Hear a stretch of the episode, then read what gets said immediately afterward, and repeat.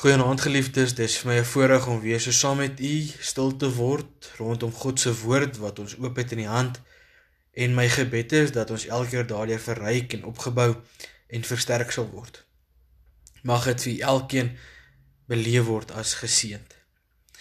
Ek wil graag vanaand vir ons 'n gedeelte voorlees uit Galasiërs 4 vers 1 tot 7 en dit sê aan by die opskrif slawe en seuns waaroor ek bietjie later iets meer sal sê. Ons lees saam. Hierby wil ek nog dit sê. Solank 'n erfgenaam nog minderjarig is, verskil sy posisie nie werklik van die van 'n slaaf nie. Al behoort die hele erfenis aan hom.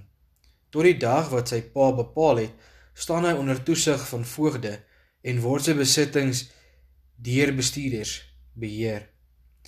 En so is dit ook met ons. Toe ons nog geestelik onmondig was, was ons slaaf van wettiese godsdienstige reëls. Maar toe die tyd wat God daarvoor bepaal het, aangebreek het, het hy sy seun gestuur. Hy is uit 'n vrou gebore en van sy geboorte af was hy aan die wet onderworpe. Om ons wat aan die wet onderworpe was, los te koop sodat ons as kinders van God aangeneem kon word. En omdat ons as sy kinders is, het God die gees van sy seun in ons harte gestuur en in ons roep hy uit Abba dit beteken vader. Jy is dus nie meer 'n slaaf nie jy is nou 'n kind van God en omdat jy sy kind is het God jou ook sy erfgenaam gemaak. Ons skriflesing vanaand tot sover. Geliefdes, die gedeelte wat ons saam gelees het, sluit aan by die belofte wat ons in vers 29 van hoofstuk 3 kry waar daar staan en as julle aan Christus behoort, is julle ook nakommelinge van Abraham en erfgename kragtens die belofte van God. So dit wat ons saam gelees het, sluit aan by die belofte wat God met Abraham kom sluit het om te sê ek sal jou God wees, jy sal my volk wees. En dan weet ons Abraham word gesien as die vader van die volk. En dan is dit die volk van God, die wat gelowig is in God en ons word by hierdie belofte ingesluit. Geliefdes, in die gedeelte wat ons saam gelees het, hoor ons dat daar gepraat word van erfgename en minderjarigheid en dat 'n minderjarige gesien word as 'n slaaf omdat daar steeds oor sy lewe bestuurders is wat dit beheer en by name voogde. Iemand wat dan minderjarig is wat nog nie 'n stem het nie, kan nog nie aanspraak maak op sy hele erfporsie nie. En dan word daar verduidelik dat dit ook met ons so was toe ons geestelik onmondig was. Toe ons nog nie regtig vry was en volwasse was om op die einde van die dag soos ons later hoor kind van God te wees nie. En hoor ons dat ons slaaf van die wettiese godsdienstige reëls was. En dit is baie keer nou nog waar dat ons die probleem het dat ons nie geestelik groei volwasse word nie, maar vasklam aan hierdie wettiese godsdienstige reëls wat eintlik ons erfporsie kom steel. Maar dan hoor ons en geliefdes, dit is iets waarin ons vreugde vind dat God op 'n bepaalde tyd wat hy laat aanbreek het sy seun haar toe gestuur het. Ons almal ken die verhaal van Jesus wat gebore is uit die maagd Maria en dat hy nie ingegee het tot sonde nie. Daarom word daar gesê hy het homself onderworp aan die hele wet. En soos wat ons ook onsself onderwerp aan die wet. Maar Jesus het by einde van dag gekom vanuit sy skuldvrye lewe om ons te kom loskoop sodat ons as kinders van God aangeneem kan word. So voor ons verlossing, voordat Christus vir ons hierdie verhouding moontlik gemaak het, kan ons as te ware sê was ons wees was daar net voogte oor ons aangestel en ons het nog nie regtig ouerskap gehad wat 'n bepaalde erfposie ook vir ons daar gestel het nie.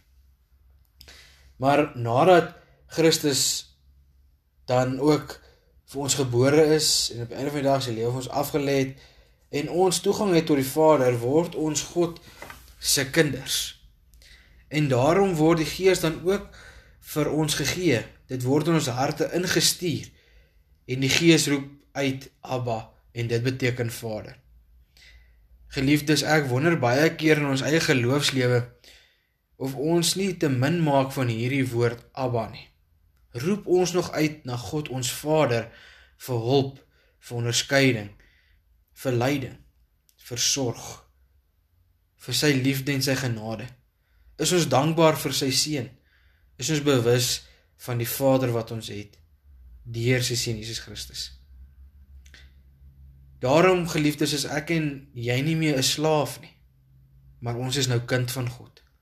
En omdat ons die kind van God is, is ons ook deel van sy erfgename. En as ons dan dink oor die erfporsie wat ons dan juis erf vanuit sy seun Jesus Christus, dan is dit die genade en die liefde wat hy onvoorwaardelik aan ons kom bewys het. En waarin ons nou deel en dit is die ewige lewe. Geliefdes, ek en u hoef nie meer te voel so slaaf wat vasgevang is in godsdienstige reëls van 'n klomp moets en moenies en dan met 'n negatiewe uitkomste daaruit nie. Ons kan uitsien na kind van God wees want Jesus het vir ons kom moontlik maak. Hy het ons kom vrymaak van hierdie wet waaraan ons ons moes onderwerp. Juis vanuit sy vlekkelose bestaan het hy ons kom koop, kom loskoop as die losprys vir ons elkeen se lewe. Daarom geliefdes wil ek vir julle sê vind vreugde in die wete. Ons kan uitroep Abba wat beteken Vader.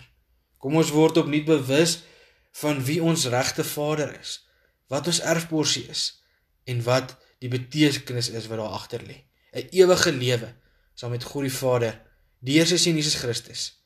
En belangrik, deur die werking van die Heilige Gees. Soos ons hoor, dit is juis die Gees van sy seun in ons harte wat vir ons gestuur is wat in ons roep Abba en dit beteken Vader. Daarom kind van God, maar ook deur sy seun Jesus Christus en die werking van sy Gees. Kom ons raak saam stil in gebed. Here, ons sê vir U dankie dat ons vanaand ook kan kom stil word om U woord. Dankie dat ons U woord mag oopmaak en dat kan lees en daardeur kan kom rus vind, vrede vind, kom groei vind, Here. Ons wil vir U vra kom sit 'n nuwe beklemtoning op ons hart dat ons U as Vader in ons lewens sal erken. Dat ons die waarde daarvan sal besef en dat ons sal uitroep Abba wat beteken Vader. Dat ons ons hulp, ons sorg, ons leiding, ons onderskeiding, liefde alles wat ons nog nodig het, Here, en U Vader aan sal kom soek. Maar Here, ons wil ook vanaand kom en of U kan dankie sê vir al die seën wat ons uit U Vaderhand ontvang. Ja, ons is nie meer wees nie. Ons het nie net meer voogde wat oor ons wag hou en ons beskerm en ons beheer nie. Maar ons is U kinders. Dit gee ons 'n nuwe identiteit. Dit gee ons 'n nuwe uitkyk op ons toekoms. Here, dankie dat ons mag behoort. Behoort aan 'n almagtige Vader. Kom hou ons vas in u liefde. Kom beskerm ons en kom bewaar ons. Ons bid dit in u naam alleen. Amen.